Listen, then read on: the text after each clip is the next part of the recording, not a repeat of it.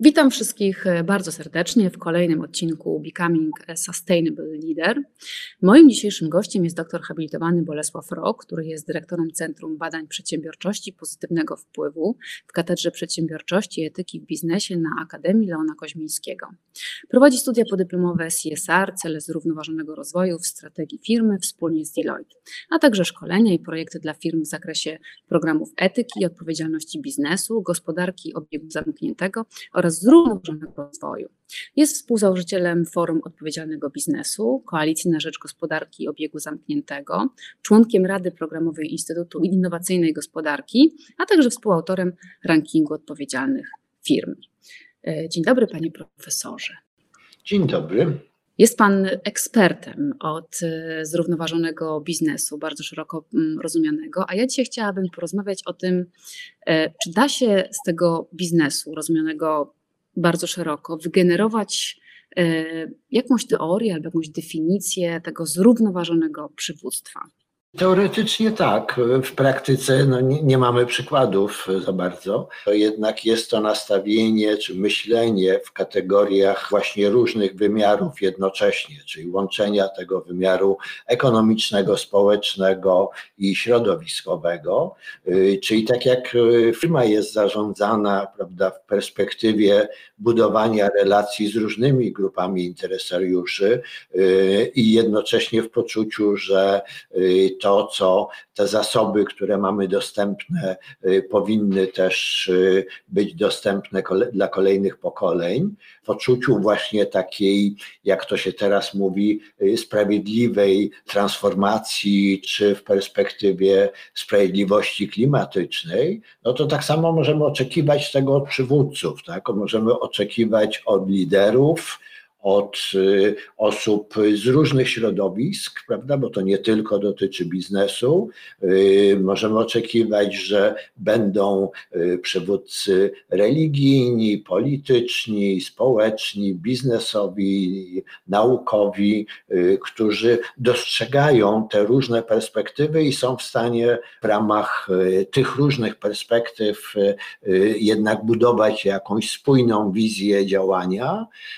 No i oczywiście porywając innych, bo to jest dla mnie przywódcę wyznaczają followersi, y, czy jakby ci, którzy za nim czy za nią podążają. Czyli jeżeli przywódca jest w stanie um, zbudować y, no, taką wizję, która jest y, pociągająca dla innych, a jednocześnie zachęcająca tych innych do podążania, no to to jest wtedy według mnie prawdziwy przywódca.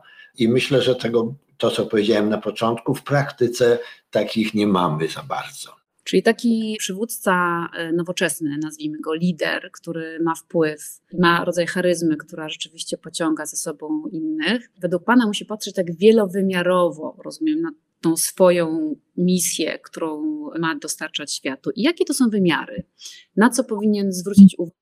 Rzeczywiście to jego zarządzanie miało taki bardziej zrównoważony mm, model. No myślę, że jednym z takich istotnych elementów z pewnością jest y, myślenie w kategoriach dialogu z interesariuszami, czyli budowania wartości dla dialogu z interesariuszami prawda? Czyli myślenia o tym. Oczywiście ten sam dialog był takim, można powiedzieć, bardzo wstępnym podejściem, kiedy mówiliśmy, że no w ramach właśnie takiego myślenia o zarządzaniu, o zrównoważonym zarządzaniu, no bo jest coś takiego jak sustainable management, a jest też również e, sustainability management i to jest często różnica pomiędzy dwoma podejściami, no ale tutaj jakby nie chodzi o to, żeby zarządzać zrównoważonym rozwojem, tylko żeby zarządzać w sposób zrównoważony.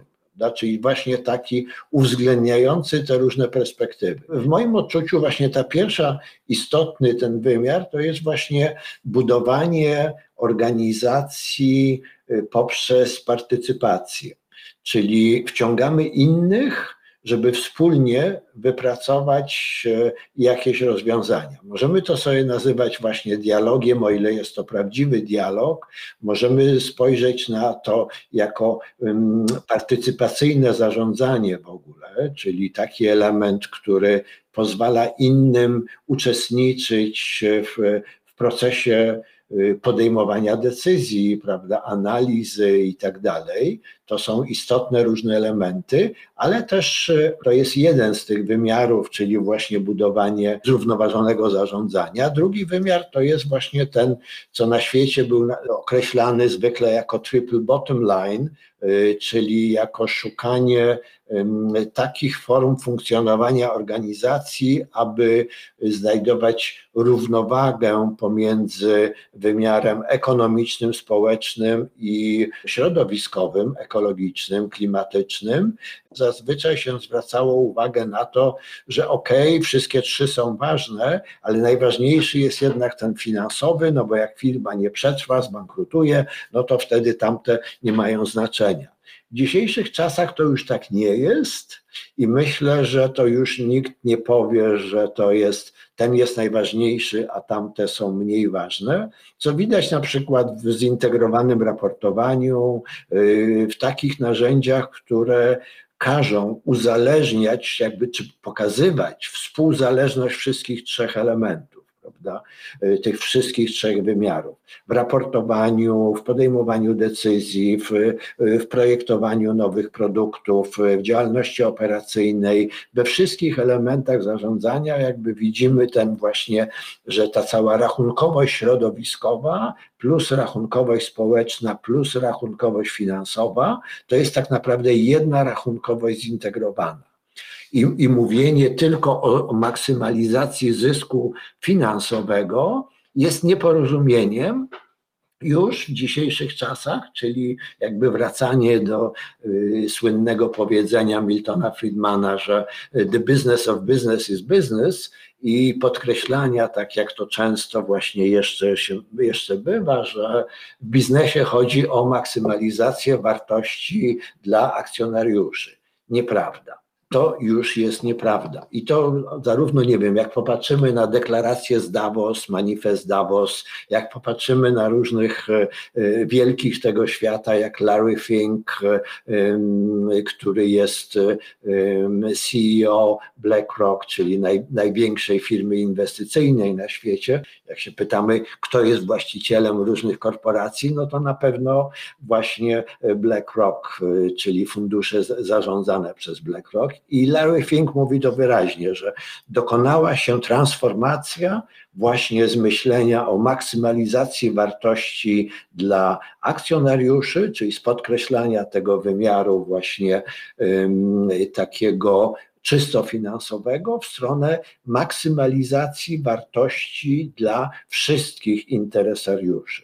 Co jest oczywiście bardzo trudne, bardzo złożone, jeżeli zaczynamy myśleć o korzyściach dla pracowników, dla społeczeństwa, dla środowiska, czyli takich właśnie zyskach dla środowiska przyrodniczego na przykład, no to musimy zacząć mierzyć nasz wpływ, czyli nie tylko performance indicators, te, te KPI tak zwane, ale KII, czyli Key Impact Indicators. Takie wskaźniki wpływu. Na co wpływamy, co, jaką zmianę w świecie wprowadzamy i, I do tego wymagana jest integracja tych trzech czynników. No i to jest ten, ten drugi aspekt. Trzeci aspekt y, to dla mnie jest coś, co jest związane z innowacjami, z myśleniem o produktach, y, y, czyli już nie tylko z, z samym procesem podejmowania decyzji, czyli z taką relacją międzyludzką, budowanie tych właśnie dialogu, partycypacji i tak dalej, nie tylko już z tą operacyjnym, czyli łączeniem tych trzech trzech właśnie y, triple bottom line, potrójnej linii przewodniej, powiedzmy. Kiedyś to tak przetłumaczyłem, ale to nie, nie ma dobrego tłumaczenia na polskie. I, ale także właśnie z myśleniem o produktach, o innowacjach, i teraz mamy wiele różnych form innowacji, od takich, jakby przy innowacjach jest dużo stereotypów, ponieważ przyzwyczailiśmy, że innowacja to jest nowa technologia, która ma zapewnić coś tam. Nie. Innowacje mogą być społeczne, mogą być właśnie y, typowe takie otwarte innowacje, innowacje na rzecz zrównoważonego rozwoju, czyli właśnie sustainability innovation, innowacje na rzecz pozytywnego wpływu, innowacje klimatyczne i tak dalej. Szukamy tutaj różnych rozwiązań, jak poprzez innowacyjne modele biznesowe, innowacyjne produkty, jak będziemy lepiej wypełniać oczekiwania yy, przyszłości. Prawda? Bo ta przyszłość stawia przed nami bardzo wyraźne oczekiwania.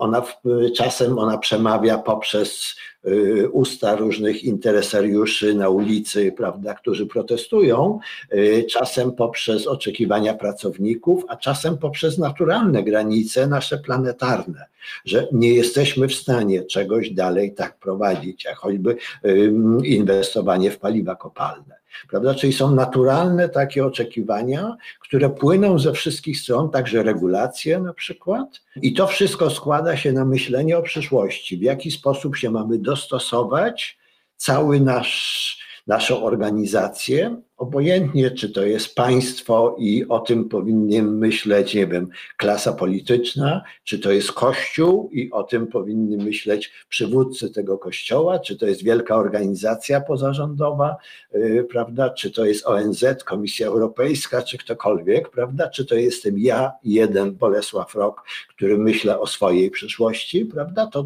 zawsze jest to, odpowiadamy jakoś na te wyzwania prawda? I to jest bardzo istotny element. I ja bym gdzieś właśnie te trzy takie różne wymiary właśnie próbował połączyć, czyli zarówno to włączanie innych, pokazywanie współzależności różnych perspektyw, y, prawda, tej potrójnej perspektywy i do tego jeszcze myślenie o przyszłości, jak się zmieniać. I do tej zmiany właśnie tutaj przede wszystkim widzę jakby właśnie rolę przywództwa, ponieważ do tej zmiany musimy zachęcić innych.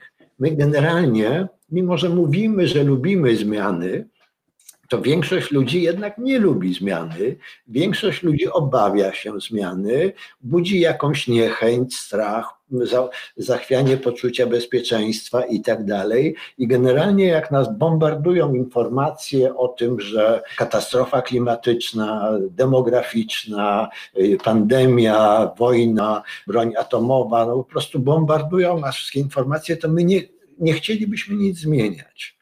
No i teraz, a wiemy jednocześnie, że to właśnie przywódca, ten właśnie taki odpowiedzialny lider, to powinien być ktoś, kto nam wskaże drogę i zachęci nas, czyli przełamie ten nasz opór, tę naszą niechęć na tyle, żeby zmotywować, bo bez tych followersów przywódca nie istnieje. To znaczy pojedynczy człowiek, y, nawet jak jest, nie wiem, najpotężniejszym Jeffem Bezosem, czy jakimś innym y, Billem Gatesem, czy nawet Elonem Muskiem, to nie jest w stanie nic zrobić, jeżeli nie ma właśnie tysięcy, milionów, miliardów w tej chwili followersów. No niestety nawet najwięksi celebryci chyba na Instagramie nie mają y, miliardów followersów, więc oni też nie mogą być naszymi przywódcami. I co sprawia, że my wierzymy w takiego lidera, że jesteśmy takim followersem takiego lidera? Czy jest to właśnie kwestia tej wizji, czy nie wiem, wzięcia odpowiedzialności czy za przeprowadzenie przez zmiany? Na czym to polega? No myślę, że to, tutaj nie ma dobrej odpowiedzi, ponieważ e, tak do końca nie wiemy. Dlaczego akurat e, ktoś jest w stanie pociągnąć, przeprowadzić, prawda, zachęcić, zmotywować, a ktoś inny nie. I że wydaje mi się, że wszystkie te próby pokazujące tę wewnętrzną doskonałość lidera, czyli pracę nad sobą, prawda, te różne właśnie podejścia, a to właśnie, nie wiem, charyzmatyczny lider, a to właśnie jakiś lider, nie wiem, transformacyjny, a to służebny przywódca, prawda, czy jakiś autentyczny, etyczny i wiele, po prostu cała masa koncepcji różnych, to to niestety według mnie jest taka droga donikąd. Y, to znaczy, jeżeli pokazujemy te wszystkie cechy, czyli właśnie chyba jak kształcić też lidera, y, super, to, to trzeba robić, prawda? Natomiast trzeba o tym mówić, natomiast to nie daje wystarczających efektów. Ja podziwiam oczywiście wszystkie osoby, które zajmują się przywództwem od strony właśnie tych takich cech wewnętrznych, budowania kompetencji, umiejętności, wiedzy, postępowania. Nie wiem, mój przyjaciel y, mm, od zawsze chyba, czyli Jacek Santorski, który od, przez całe swoje zawodowe życie zajmuje się właśnie tym, prawda, i jego Akademia Psychologii Przywództwa, prawda, to ja z góry mówię, to jemu również, to, to mówię zwykle, że w psychologię przywództwa nie wierzę, prawda, że to jest potrzebne, super, że to robisz, prawda, natomiast to jest zdecydowanie za mało, bo co jest potrzebne? Według mnie potrzebne jest jednak zrozumienie tego, że jesteśmy w strasznie skomplikowanej sytuacji y, na świecie w ciągu ostatnich lat, że jest wymagana po prostu niesłychanie radykalna, to co się często w innowacjach nazywa disruptive innovation, taki radykalny skok, radykalna zmiana. I kiedy się pytamy, nie wiem, klimatologów, y, kiedy ją powinniśmy zrobić, no to ostatni raport mówi now or never, teraz albo nigdy, a tak naprawdę klimatolodzy mówią, że trzeba było to zacząć najpóźniej dwa lata temu. Nie zaczęliśmy tego prawda? Teraz już jest za późno, ale jeszcze powiedzmy możemy przez jakiś czas, no jakoś to okno możliwości istnieje. To okno możliwości stwarza, że zmiany, które mamy wprowadzić w biznesie, w organizacji, nie wiem, w wszelkich organizacjach, na poziomie politycznym, państwowym, biznesowym, społecznym, naszym indywidualnym, są tak radykalne, że przywódca, który powinien jakby rzeczywiście to objąć wszystko i pokazać, taki przywódca transformacyjny, właśnie taki przywódca, który pokazuje, że jak mamy się zmienić jako cały system. Ten system, który jest właśnie taki, jak to się ładnie mówi, interconnected, prawda? On jest współzależny, widzimy wyraźnie, że gdzieś ktoś, prawda, miał jakiś kontakt na targu Wuhan, prawda, z jakimś nietoperzem i to spowodowało po prostu, że cały świat nagle się posypał, y, także wszystkie, nie wiem, y, sieci powiązań biznesowych, dostawy i że nagle, prawda, się martwiliśmy, jak to na nowy samochód trzeba czekać, prawda, 10 miesięcy w tym kraju, no to niemożliwe, prawda, to w ogóle było strasznie nie do wyobrażenia. No i okazało się, że jak świat jest kruchy bardzo i oczywiście wszystkie piękne teorie budowania antykruchości i tam jakichś turkusowych organizacji i cała masa wspaniałych ludzi, które robią super rzeczy, nie wystarcza to wszystko, co jest właśnie związane z tą, nie wiem, psychologią przywództwa, nie wystarcza. Więc dlatego jakby jak spojrzeć, co jest potrzebne, yy, no to nie ma takich przywódców, którzy są w stanie jakby zmotywować nas do tak radykalnej zmiany. Dlaczego moim zdaniem nie ma? Ponieważ tu jest wiele czynników właśnie współzależnych. Tutaj jest z jednej strony jest właśnie ten nasz mindset, taka świadomość, czyli to, co jesteśmy w stanie zrobić na poziomie, każdy z nas, na poziomie swojego codziennego życia. Znaczy, tak jak mówimy teraz, prawda, jeżeli chcesz, y, nie wiem, y, w jakiś sposób zmniejszyć wpływy Putina, to możesz zmniejszyć temperaturę ogrzewania w domu o jeden stopień prawda? Mniej gazu będziemy zużywać, prawda? Mniej pieniędzy popłynie, prawda, do, do Rosji. No to jest oczywiście taki przykład, tylko można powiedzieć, no, mm, pewnie bardziej y, efektywny niż, nie wiem, y, pisanie tam na, y, na jakimś, w jakichś mediach społecznościowych, że bojkotuje właśnie taką firmę czy inną firmę, bo to niewiele zmienia, niestety. Y, natomiast rzeczywiście jakby no taki ten jeden stopień może zmienić pod warunkiem, że zrobimy to wszyscy. No ale to teraz wiadomo, że ktoś musiałby jakoś nas pociągnąć. Nie ma takich osób. W związku z tym jest drugi nurt, czyli czy drugi jakby czynnik wpływu, czyli regulacja. Ja bardzo wierzę w regulacje, szczególnie na poziomie europejskim, Myślę, że to, co się w ramach e, Europejskiego Zielonego Ładu e, przyjmuje, to jest bardzo obiecujące strategie właśnie zbudowania takiego Zielonego Ładu. Warto zresztą wiedzieć, że to angielskie Green Deal, to każdy, kto się zajmuje w biznesie, wie, że deal to nie jest żaden ład. Deal to jest kontrakt Deal to jest biznes, prawda? To robimy deal, my podpisaliśmy się pod tym dealem i go robimy. W związku z tym to nie jest, że mamy Komisja Europejska wymyśliła jakiś ład, do którego dążymy. Nie, mamy kontrakt podpisany i w ramach tego kontraktu musimy zrealizować, prawda, choćby to, że jak odejście od paliw kopalnych, prawda, zmniejszenie poziomu emisyjności.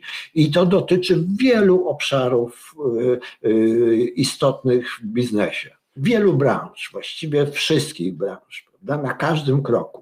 Jeżeli spojrzymy nawet na taki element jak e, sustainable finance, czyli zrównoważone finansowanie, no to to jest istotny element, który Komisja Europejska wymyśliła sobie, w jaki sposób będzie właśnie realizowała swoje przywództwo regulacyjne.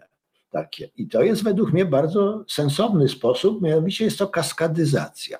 To kaskadowanie jest naturalne też w biznesie. My też często to robimy, prawda, że gdzieś tam ten, ten lider, prawda, siedzący na 28 piętrze, prawda, spływają z niego te mądre pomysły w dół na te niższe piętra, prawda, i, i te kolejne szczeble hierarchii korporacyjnej na poziomie minus jeden, minus pięć, później zaczynają wdrażać i to wpłynie do naszych filii różnych na cały świat z tego headquarter, z tego czubka właśnie wieży.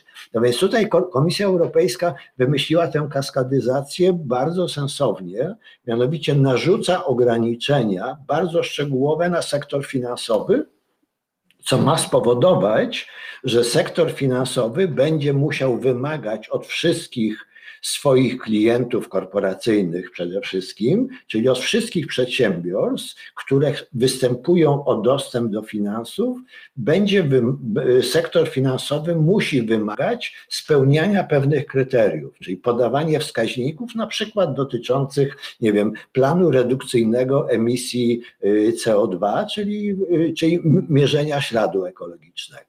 No i coś, co było w Polsce kompletnie nieznane jeszcze dwa lata temu, Nikt nie mówił o, ślad, o śladzie e, węglowym, prawda, czyli ten carbon footprint. Nagle tysiące przedsiębiorstw chce koniecznie zmierzyć swój ślad węglowy ponieważ już banki zapowiedziały, już partnerzy handlowi zapowiedzieli w łańcuchach, właśnie w tych sieciach e, powiązań, dostaw i tak dalej, że będziemy wymagać w przyszłym roku szczegółowych wartości dotyczących waszego śladu węglowego, bo jak tego nie podacie, to nie, nie przedłużymy wam finansowania albo nie przedłużymy wam kontraktu. I nagle tysiące, dziesiątki tysięcy firm w Polsce w różnych branżach, nie wiem, branża motoryzacyjna, jakieś inne, które, gdzie po prostu dla globalnych marek wszyscy pracują, jakby to będzie niesłychanie ważne. No i te firmy z kolei przerzucają to na swoich dostawców, prawda? No bo liczy się ten scope 3, czyli ten zakres trzeci śladu węglowego, czyli to, co jest w łańcuchu wartości. I w ten sposób jakby Komisja Europejska oddziałała regulacyjnie na jeden sektor, który dokonuje transformacji wszystkich innych sektorów. I taka wizja, jakby mówię, no tego właśnie y, mm, przywództwa takiego w tym sensie regulacyjnym jest znacznie bardziej efektywna niż jeżeli to by było tak, że komisja zaczyna jakby narzucać y, tysiące nowych regulacji na wszystkie branże. Byłoby to nie do sprawdzenia. I teraz, jeżeli ten model by się udało zastosować także, y, co próbują robić duże marki na przykład, czyli to duże marki narzucają różne oczekiwania swoim partnerom, y, ci wykonują zadania po prostu, bo na tym polega korpo, prawda, i przekształcają się. Tylko tak jak Komisja Europejska jednak podaje harmonogram bardzo szczegółowy, który y, zmusza nas do działania w perspektywie dwóch, trzech lat najbliższych. I to jakby wszyscy widzą, że jeżeli w ciągu dwóch lat nie wdrożymy tego wszystkiego, to polska gospodarka będzie odcięta od dostępu do finansowania. I to jest już oczywiste i wszyscy się zaczynają tego bać, prawda? Ale no niestety to jest tak, że wszystkie inne rzeczy, prawda, czyli te narzucane przez duże brandy globalne, w innych obszarach, nie wiem, śladu wodnego, bioróżnorodności, różnych takich tematów poza emisją CO2, bo wszyscy się skoncentrowaliśmy, emisja CO2, główny wskaźnik, czyli właśnie ten jedyny, prawda, ślad węglowy.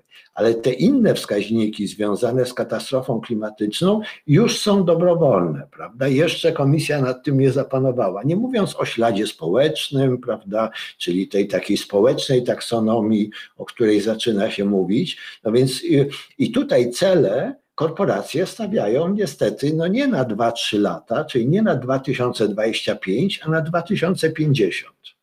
No i teraz jak wierzyć w przywództwo prawda, globalnych liderów, którzy nam mówią, że liderów korporacyjnych, prawda, tych właśnie wszystkich Jeffów, Bezosów i innych, akurat no, oni może tam lepszy przyjęli cel y, klimatyczny, ale no, większość firm przyjmuje tak, że w 2050 roku osiągniemy neutralność klimatyczną i tam jakoś wyszczególniają.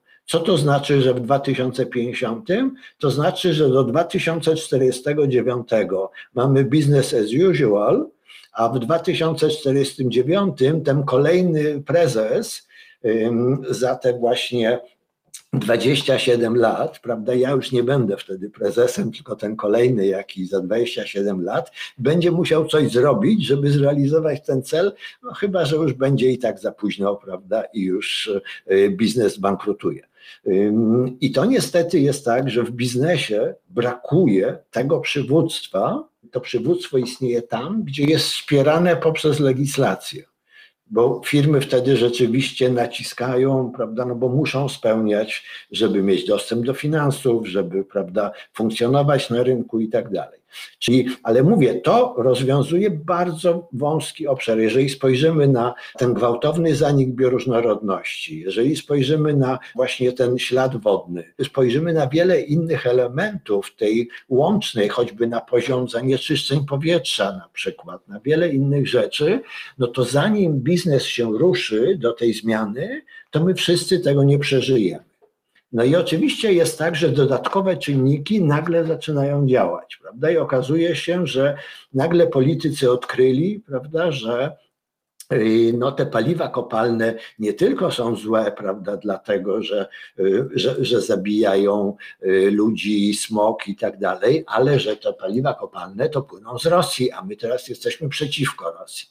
No więc nagle politycy się obudzili i mówią, że tak, tak, należy y, coś z tymi paliwami kopalnymi zrobić. Ale jeżeli spojrzymy, co mówią niektórzy, to niektórzy mówią tak, że rzeczywiście, tak jak w Niemczech na przykład, mówią, tak, powinniśmy mieć plan odchodzenia w pełni od paliw kopalnych. W Polsce mówią na to polityce, powinniśmy mieć plan zastępowania paliw kopalnych rosyjskich naszymi polskimi, albo ewentualnie z Australii, albo z innych tam będziemy sprowadzać. No i to jest ściema. To każdy czuje przecież, że to jest nieprawda, że to jest, y, jakby to nie o to chodzi. Więc to, co w moim odczuciu jakby jest tym czynnikiem, który powoduje, że przywództwo to transformacyjne, takie przywództwo właśnie dotyczące no jednak te, te, tej disruptive innovation, w którą wchodzimy, to podstawą tego jest prawda. To może banalnie brzmi, prawda, ale to jest tak, że jeżeli słyszymy od kogoś coś, co, czy to mówię, jest polityk, czy to jest lider dużej korporacji, czy innej, słyszymy coś, o czym wiemy, że jest nieprawdą. Wiemy, że oni po prostu odsuwają coś, co trzeba zrobić teraz. Bo tak jak mówi ten ostatni raport sprzed tygodnia, prawda, teraz lub nigdy. Jeżeli teraz nie zrobimy tej zmiany, to nie ma sensu w ogóle myśleć o przyszłości.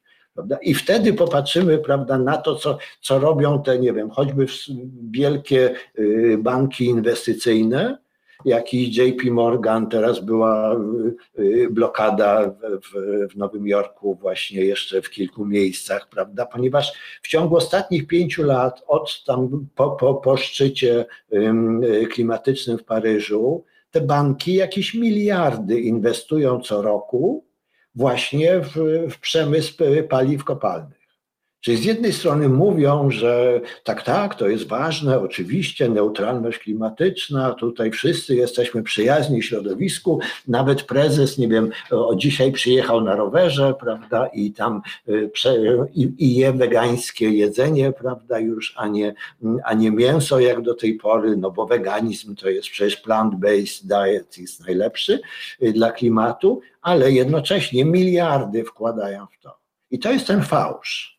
Prawda? Ja myślę, że jeżeli przywództwo opiera się właśnie na fałszu, na tym, co już większość interesariuszy rozumie, czyli ten pierwszy element, o którym mówiłem wcześniej, to oczekiwania interesariuszy, partycypacja i tak dalej, jest niemożliwa, jeżeli przywódca po prostu oszukuje. I dlaczego oszukuje? No być może we własnej perspektywie czuje się dobrze, prawda, że no bo najbogatsi sobie poradzą. Mają tam schrony, mają różne inne tam, prawda, na katastrofie klimatycznej w pierwszej kolejności tracą najbiedniejsi. Tracą państwa rozwijające się. My jeszcze przez parę lat będziemy się trzymać w tej bogatej Europie, prawda? W związku z tym y, no nie ma takiego zagrożenia, więc jeszcze przez najbliższe 3-5 lat możemy zarabiać kasę, a po nas choćby i potop, prawda? Bo to już y, nieważne. No i jak tu możemy znaleźć jakiegoś sensownego przywódcę? No więc niestety ani w polityce, jeżeli popatrzymy na to, co się dzieje tak samo w kościele, choćby, nie wiem, papież Franciszek, który po prostu opowiada jakieś niesłychane rzeczy, prawda, na temat wojny w Ukrainie, w ogóle nie rozumiejąc o co chodzi prawda? I nagle jakby Kościół katolicki no po prostu traci w ogóle, no od lat zresztą traci w Polsce, jak jeszcze 10 lat temu, 15, jak się pytałem studentów o ich autorytet, kto jest dla nich autorytetem moralnym, to bardzo często ksiądz był takim autorytetem moralnym oprócz, nie wiem, babci na przykład i jeszcze tam kogoś, jakiegoś celebryty, no to teraz rzeczywiście ksiądz już nie jest. Po tej fali pedofilii i po tym, jak ksiądz, jak papież nie potrafi w ogóle zrozumieć tych wyzwań, które mamy właśnie od półtora miesiąca, prawda? Kościół niestety już nie może być w żadnym sensie przywódcą. Y, tak samo właśnie celebryci niestety też nie mogą być prawda? Po tych wszystkich takich aferach, różnych pokazywaniu, prawda, tych, no to już jakby możemy się bawić e, na Instagramie, tam w lajkowanie różnych wypowiedzi e, celebrytów, natomiast no to nikt, więc rzeczywiście w żadnym z tych obszarów, już nie mówiąc o politykach, prawda? Czyli ani politycy, ani, ani y, osoby duchowne, prawda, z tego najwyższego pułapu, prawda, y, hierarchii kościelnej, mm, ani liderzy biznesu w dużych korporacjach, prawda, organizacje społeczne, właściwie nie ma gdzie szukać takich liderów, takich przywódców, którzy opierając się na prawdzie, opierając się właśnie na tym, co naprawdę jest istotne i co powinniśmy zmienić, żeby byli w stanie zmotywować ludzi do tego. Nie, oni przed tym uciekają wszyscy, więc dlatego mówię, że przywództwo zrównoważone jest niemożliwe niestety obecnie. Teoretycznie można o tym mówić, w praktyce nie ma ani jednego przykładu. A co musi się wydarzyć, żeby ono przestało być teoretyczne, a zaczęło być praktyczne? No oprócz, tak jak e, Pan mówił, wszystkich regulacji takich i legislacji, które rzeczywiście odgórnie zarządzają pewną zmianę i trzeba się jej podporządkować. Czy w ogóle jest taka możliwość, że to się wydarzy bez tych regulacji? To znaczy, no zazwyczaj jest tak, że człowiek się mobilizuje, jak się znajduje pod ścianą. Czyli jak, jak ja mam coś napisać, na przykład na jutro, to myślę o tym od pięciu dni, ale dzisiaj wieczorem wiem, że w końcu się zmobilizuję i to napiszę, no bo już nie mogę przełożyć tego terminu. Prawda? Jak już jestem pod ścianą, to wtedy zrobię wszystko, prawda? Nagle usiądę, przyjdzie wena twórcza i wszystko napiszę. No i to właśnie na tym polega, prawda? Jeszcze ci przywódcy, prawda, potencjalni przywódcy, liderzy biz wielkich biznesów nie czują tego, że są pod ścianą. Ponieważ ciągle te firmy zarabiają, ciągle można inwestować w paliwa kopalne. Jak się spojrzy na, na, na różne indeksy, na różne właśnie fundusze inwestycyjne i tak dalej, to dalej się świetnie zarabia na paliwach kopalnych. No więc skoro tak funkcjonuje rynek, skoro to jeszcze ciągle jest możliwe, no to niestety, prawda, pewnie to jest smutne, żeby jakby coś takiego powiedzieć, ale no w momencie właśnie tak naprawdę odczuwalnej katastrofy przez wszystkich, jesteśmy w stanie wtedy próbować coś zrobić. Tyle, że wtedy będzie to już prawdopodobnie niemożliwe. No więc y, to oczywiście w przypadku tych katastrof no, y, czasami się udaje. No, myślę, że na pandemii się trochę nauczyliśmy tego, że początek pandemii w Polsce przynajmniej był takim, y, no myślę, takim społecznym w ogóle oliśnieniem biznesu, taką iluminacją, oświeceniem. Prawda? Czyli nagle liderzy biznesu dostrzegli, że istnieją ludzie poza prawda, klientami i tak dalej, istnieją ludzie. Ci ludzie mają jakieś wyzwania, prawda, jakieś problemy. Ci ludzie mogą być w postaci pracowników albo klientów, albo jakichś innych organizacji, prawda, gdzieś. Nagle to wszystkich zaczęło dotyczyć. Prawda? I myślę, że ten początek pandemii szczególnie był taki, że po prostu stanęliśmy przed czymś, co wydawało się niewyobrażalne, i wtedy się zmotywowaliśmy wszyscy. Prawda? I właściwie, jak się popatrzy na wówczas powstające różne inicjatywy, y, właśnie takiego, takiego społecznego przywództwa ze strony liderów biznesu, to było mnóstwo takich osób w różnych miejscach i lokalnie, i centralnie, jakby liderzy biznesu, y, wielcy, najbogatsi i tak dalej, spotykali się, żeby wymyśleć, co wspólnie możemy zrobić, żeby wesprzeć żeby jakoś przeciwdziałać, żeby pomóc ludziom żyć w takich warunkach trudnych. Nagle firmy przestawiały swoją produkcję, prawda, zatrzymywały coś, a wdrażały, prawda, bo potrzebny jest płyn tam do, do, do czyszczenia rąk, prawda, czy maseczki, czy inne. Po prostu wszystko nagle się zmieniło. Niestety ten, ten y, impuls taki tego oświecenia społecznego biznesu trwał dosyć krótko, tak? ale i tak no, to było dwa, trzy miesiące. Jestem przekonany, że większość, szczególnie właśnie kadry kierowniczej z dużych firm, po raz pierwszy dostrzegło, że biznes funkcjonuje w społeczeństwie i bez społeczeństwa nie ma biznesu.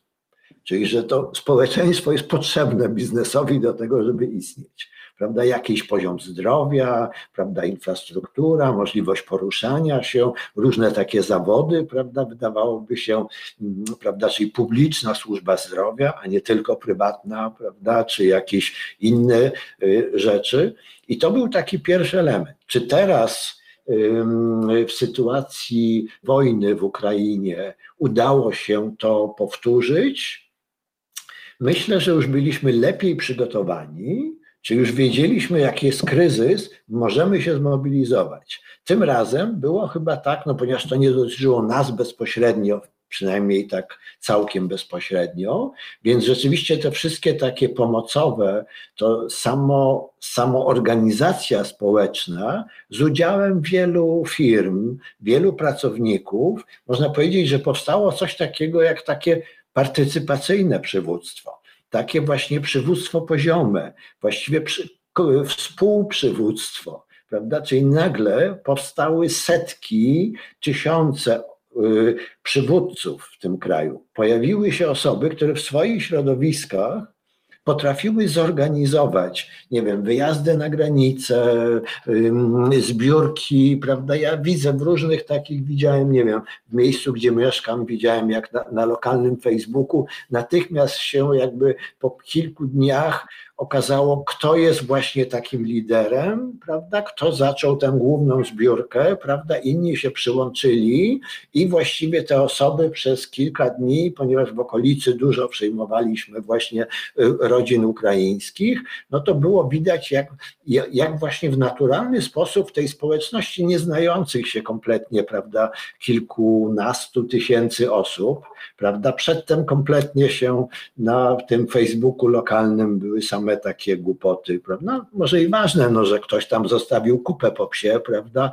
Y, nie, nie zebrał na chodniku, a gdzieś tam, a ktoś szuka hydraulika, prawda? I fajnie. Y, ale, ale później jakby było tak, że nagle się wszyscy zorganizowali i rzeczywiście pojawiły się te osoby, które to wszystko pociągnęły, pociągnęły innych za tym. I nagle po prostu setki innych osób poszły za tymi właśnie takimi y, lokalnymi przywódcami, i jestem przekonany, że to samo się zadziało w wielu innych miejscach y, w całym kraju. Prawda? I to było widać, że po prostu nagle po raz pierwszy właśnie pewnie ja nie wiem, czy to, byli czy to były osoby, które skończyły Akademię Psychologii Przywództwa Jacka Santorskiego, czy inne tego typu kursy, prawda, szkolenia, studia podyplomowe i tak dalej.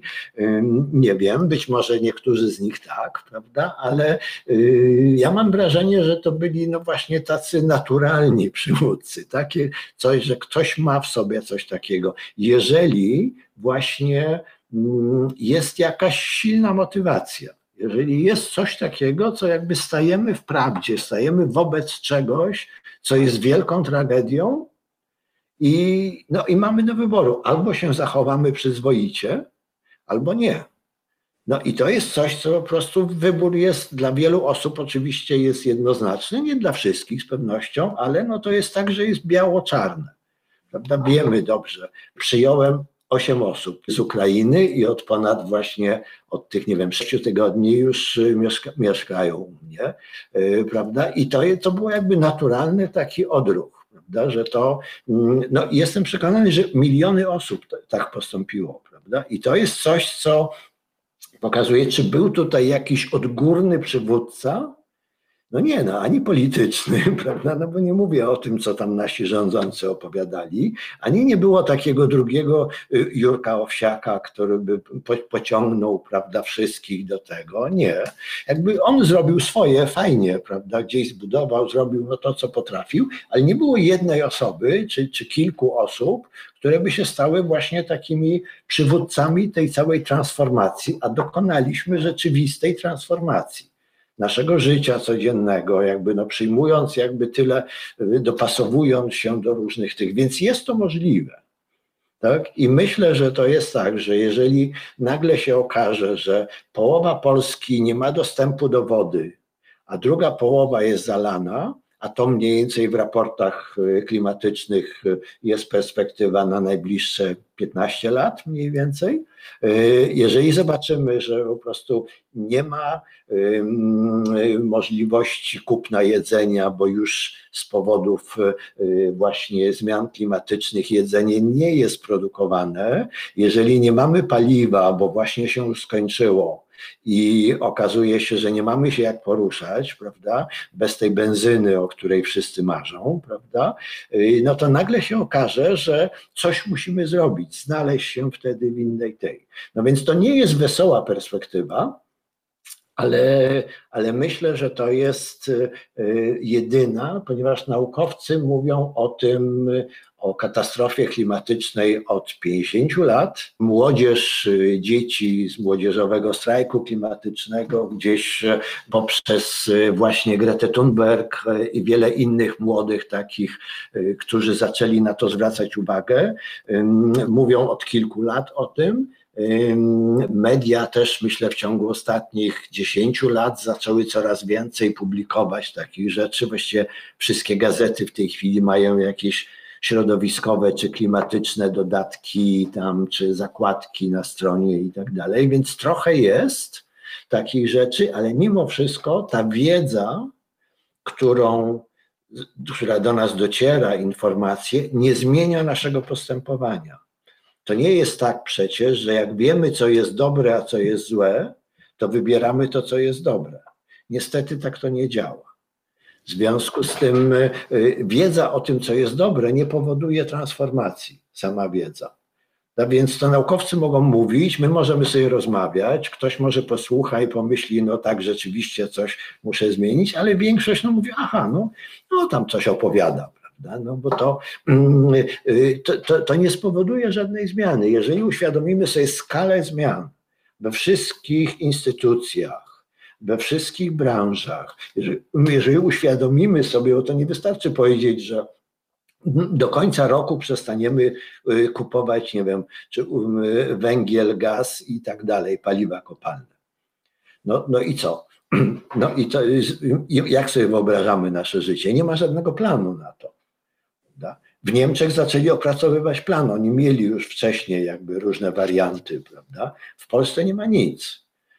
Czy, czy jeżeli rozmawiałem z kimś właśnie, kto się zajmuje wy, wybrzeżem morskim w Polsce, prawda, mówi na spotkaniach międzynarodowych, wszyscy mówią a, a, o właśnie adaptacji do zmian klimatu i wszystkie państwa przystosowują się do tego podniesienia się poziomu morza. I mówi, jemu jest głupio nawet, no bo on mówi, że w Polsce nikt, żaden instytut morski, polityczny, ktokolwiek, nikt się tym nie zajmuje. No więc oczywiście ktoś wymyśli, prawda, w którymś momencie, a tam nie wiem, przekopiemy y, Półwysep Helski, nie? Po co? On i tak zaraz zniknie pod wodą. To jest po prostu wyrzucane miliardy, prawda, zamiast na celowy plan. Więc mówię, brakuje tego przywództwa ze strony wszystkich możliwych, którzy powinni być tymi przywódcami. Mm, natomiast my, jako społeczeństwo, jako obywatele, jesteśmy w stanie się zmobilizować i to jest taka pozytywny news y, w obliczu tych wszystkich klęsk. Jesteśmy w stanie się zmobilizować do działania, kiedy już mamy nóż na gardle. Prawda? Kiedy już nas to zaczyna dotyczyć w jakiś istotny sposób, pośredni lub bezpośredni. Więc dlatego mimo wszystko jestem optymistą i wierzę, że będziemy w stanie, chociaż będzie to znacznie bardziej kosztowne i wymagające wiele różnych wyrzeczeń, będziemy w stanie się zmienić w momencie, kiedy już nie będzie wyjścia, a myślenie takie, że jak przystosować się i jak już zapobiegać, czyli profilaktyka różne, no to nie, no to jest.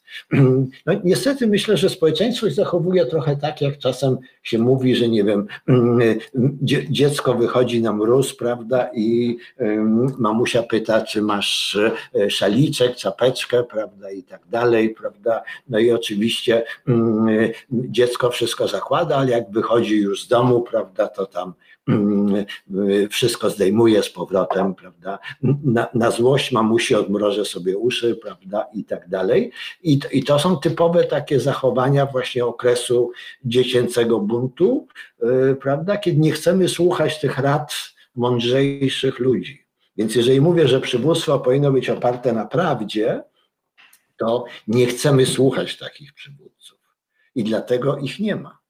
No ale jeżeli pojawiają się jednak w przyrodzie tacy potencjalni przywódcy, którzy gdzieś tam widzą szerzej, widzą ponad ten własny biznes czy własnej organizacji, no to czy oni mają jakiekolwiek narzędzia, czy są jakieś takie sposoby, żeby jednak e, zaimplementować tą swoją misję troszeczkę szerzej? Ja jestem przekonany, że do, bardzo dobrze wiemy, co trzeba zmienić i jak trzeba zmienić. I w każdej branży jest wiedza na ten temat. I tutaj nie ma żadnych wątpliwości. Wszyscy to wiemy. Prawda? Obojętnie, czy to się ktoś pracuje w budownictwie, prawda, czy w handlu, czy w innym, czy produkcji żywności, wszędzie są rozwiązania gotowe. Tylko, że nie możemy ich wdrożyć. Z różnych bardzo powodów, bo one wymagają no, radykalnej zmiany jakiejś. My jesteśmy w stanie zrobić jakieś małe ruchy, i fajnie, że je robimy, tylko że to jest nieadekwatne do skali potrzebnej zmiany.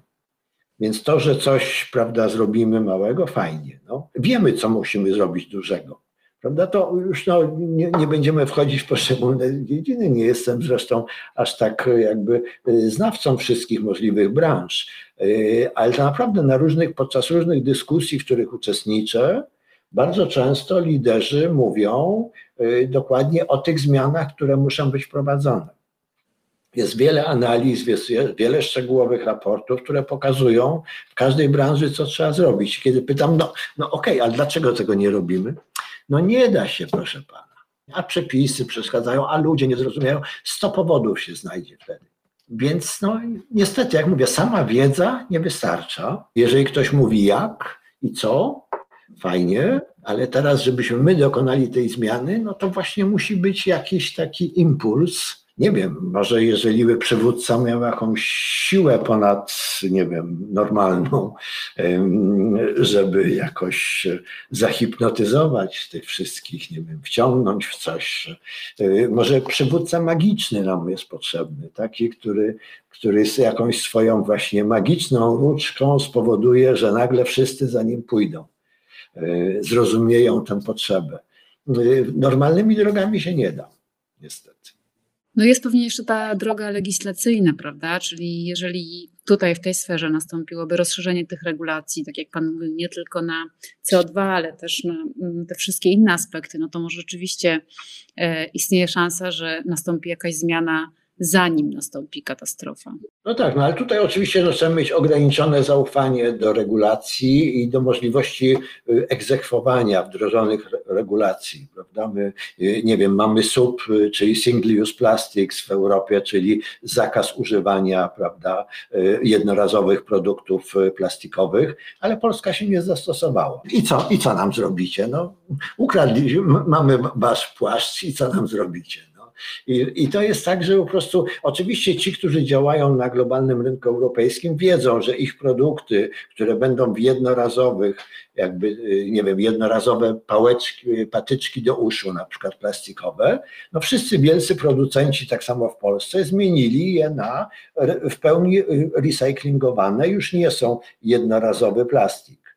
Prawda? I to samo się dzieje we wszystkich innych obszarach. Ale to jest tak, że dalej jak pójdziemy do budki, żeby coś tam e, e, kupić sobie do, do, jedzenia, to dalej dostajemy na tym jednorazowym plastiku, czy kawę kupujemy i tą jednorazową łyżeczkę, prawda? I, i tak dalej. No, mimo, że to jest zabronione. Więc to jest tak, że mm, to jest długa droga bo oprócz tych regulatorów, nawet najmądrzejszych, by trzeba było jeszcze milion osób policji postawić, prawda, która by każdego pilnowała albo może nie wiem, nawet 8 miliardów policjantów, którzy by każdego człowieka pilnowała, bo tyle nas jest na świecie już prawie, żeby tego nie kupował, a, a to kupował, a tu się zmieniał i tak dalej. Więc gdyby jakiegoś chipa nam takiego właśnie włożyli, prawda, być może to jest rola dla AI, Artificial Intelligence, dla jakichś botów, dla jakichś innych. Wiem, że już mogą wszczepiać takie różne rozwiązania. To w filmach czasami widać takie rozwiązania, y, więc być może, ale tutaj naprawdę nie ma prostych rozwiązań i ja też nie wiem, jak to zrobić. A czy to jest globalne? Bo też mnie zastanawia, czy na przykład na ten jednak rodzaj, no nie wiem, pewnej takiej ślepoty tak naprawdę na to, co się dzieje. E, czy to jest, czy to jest tak, że to zależy na przykład od mentalności, od kultury, od państwa, czy w zasadzie cała planeta mniej więcej tak samo funkcjonuje? Znaczy oczywiście z różnym natężeniem w różnych grupach społecznych, w różnych miejscach i tak dalej, ale chyba wczoraj czy przedwczoraj oglądałem właśnie taki klip ze spotkania jednej z aktywistek brytyjskiej Extinction Rebellion um, na temat Stop Oil Now, takiej inicjatywy właśnie, żebyśmy zaprzestali używania paliw kopalnych, tam ropy i ropopochodnych produktów już. I, I to była dokładnie scena jak filmu Don't Look Up, y, czyli Nie patrz w górę, tak to po polsku się nazywało, y, kiedy ta para właśnie bohaterów siedziała w studio telewizyjnym i ten właśnie y, prowadzący zadawał pytania, prawda, no ale co możemy zrobić, a może fajnie tego i po prostu oni nie wytrzymali nerwowo, prawda, już. I dokładnie ta sama sytuacja była w brytyjskiej telewizji dwa dni temu, prawda, identyczne niemal studio jak na tym filmie, identyczni prowadzący, prawda? I też ten mówi, no ale jak, jak pani sobie myśli, że to, to nie jest zbyt radykalna kampania, żebyśmy zatrzymali? Ja to na przykład nie jestem w stanie zrezygnować jednak z napełniania baku mojego samochodu, prawda? I że to może gdyby pani jakoś tak mniej radykalnie powiedziała, że, że spróbujmy myśleć o tym, żeby ograniczać. Ona się znowu uniosła jakoś, zaczęła mówić młoda dziewczyna, prawda? A ten znowu, czy jakaś kobieta, która z nim znowu jakiś taki tekst właśnie. No i tak pomyślałem, że dokładnie to była scena jak z tego filmu. I to jest tak, jeżeli w Wielkiej Brytanii, gdzie świadomość klimatyczna, środowiskowa jest o niebo wyższa niż w Polsce, tam uczą tego od przedszkola, od 50 lat prawda, świadom, wybory konsumenckie i tak dalej. I w normalnej telewizji prowadzący po prostu zachowuje się właśnie, no, no tak jakby grał w filmie, prawda, w jakiejś komedii, no to rzeczywiście to jest chyba problem globalny. To, to nie jest tak, że to tylko my w Polsce jesteśmy tacy dziwni, a cały świat jest mądry. Panie profesorze, tak na koniec, jest nadzieja jakakolwiek? No myślę, że właśnie po to rozmawiamy i ja się tym zajmuję właśnie, że przekonuję, rozmawiam yy, i uważam, że warto, że to jest gdzieś mo moja powinność moralna też, żeby o tym mówić. No nawet jeżeli yy, przekonam 10, 20, 50 osób, one idą dalej. Ja wierzę w tę metodę kaskadowania właśnie, nie? czyli że to jest tak, że jeżeli mm, w ciągu ostatnich kilkunastu lat, nie wiem, prowadzę choćby te studia podyplomowe właśnie yy, dla menadżerów sustainability, no to to jest tak naprawdę około 300 osób w tej chwili, którzy są menadżerami do spraw sustainability, ESG, yy, CSR w różnych dużych firmach w Polsce tak naprawdę większość tej branży to jakby wyszła z tej mojej szkółki, prawda? Gdzie mam, nie wiem, ze 40 jeszcze wykładowców różnych, prawda? Zwykle ci, którzy wcześniej skończyli te studia. I to jest tak, że oni w swoich firmach rzeczywiście wprowadzają często bardzo istotne zmiany. Jak widzę na przykład, nie wiem, nową strategię dekarbonizacji Orlenu, coś, co by dawało się, no to wiem, że za tym stoi pewna osoba, która skończyła u mnie te studia kilka lat temu, prawda, i rzeczywiście miała taki zapał i takie było nakręcona na to, żeby właśnie robić, że jak się dostała do Orlenu, to po prostu zaczęła zmienić, zmieniać wszystko. I nagle największa firma w naszej części Europy prawda, inwestuje w y, offshory na Bałtyku, jakby zaczyna mieć długofalową strategię dekarbonizacji. To nieważne, że tam prezes na tym się nie zna i że, że niewiele o tym mówi i tak dalej, i że politycznie w ogóle mamy wyobrażenie, że to jakaś straszna firma. Ale to samo się dzieje w PGE, to samo się dzieje w paru innych firmach. Czyli tam jest jakby no taka piąta kolumna, właśnie są ci ludzie, którzy gdzieś nie tylko przez tych studiów, także z różnych innych kręgów jakby działają. I ja jestem przekonany, że to właśnie ci ludzie próbują jakby zachęcać innych. No i to jest tak, że jeżeli właśnie 300 osób y, tak działa i każdy z nich zachęci kolejne 300 osób, prawda, przekona, y, to ja bardziej wierzę właśnie w ten taki samorządność, społeczną trochę, czyli to, to, co się stało właśnie y, ostatnio w wyniku wojny w Ukrainie, prawda? Czyli samoorganizacja. Czyli nie, że przyszedł lider z góry i powiedział, co mamy robić, tylko że nagle w tym samoorganizujących się różnych grupach społecznych zaczęli pojawiać się naturalni przywódcy, którzy byli na tyle prawdziwi, niezakłamani, właśnie działający jakby no w oparciu o, o tę prawdę wewnętrzną, która wtedy widać, że to jest ktoś, kto robi to, bo ma pasję, bo wierzy, bo wie, że to jest najważniejsze. To wtedy ci ludzie byli w stanie pociągnąć innych, więc y, nie wiem tylko, czy zdążymy z tym procesem, ale no wtedy zostaje ta druga możliwość, że jak staniemy wszyscy przed ścianą, prawda, i będziemy wiedzieli, że dalej już jest tylko przepaść, no to nie skoczymy wszyscy w tę przepaść, tylko jednak właśnie pomyślimy, ok, spróbujmy jednak coś zrobić, prawda? I wtedy y, może cień tej nadziei znowu się pojawi. Panie profesorze, bardzo dziękuję. E, gratuluję wykształcenia fantastycznej piątej kolumny zrównoważonego e, leadershipu i trzymam też kciuki, żeby ona miała jak najwięcej wpływu. I tak jak Pan mówi, że gdzieś od środka tak naprawdę tą zmianę menadżerowała tak naprawdę, bo pewnie trochę to tak na tym to polega. Bardzo dziękuję. Dziękuję bardzo.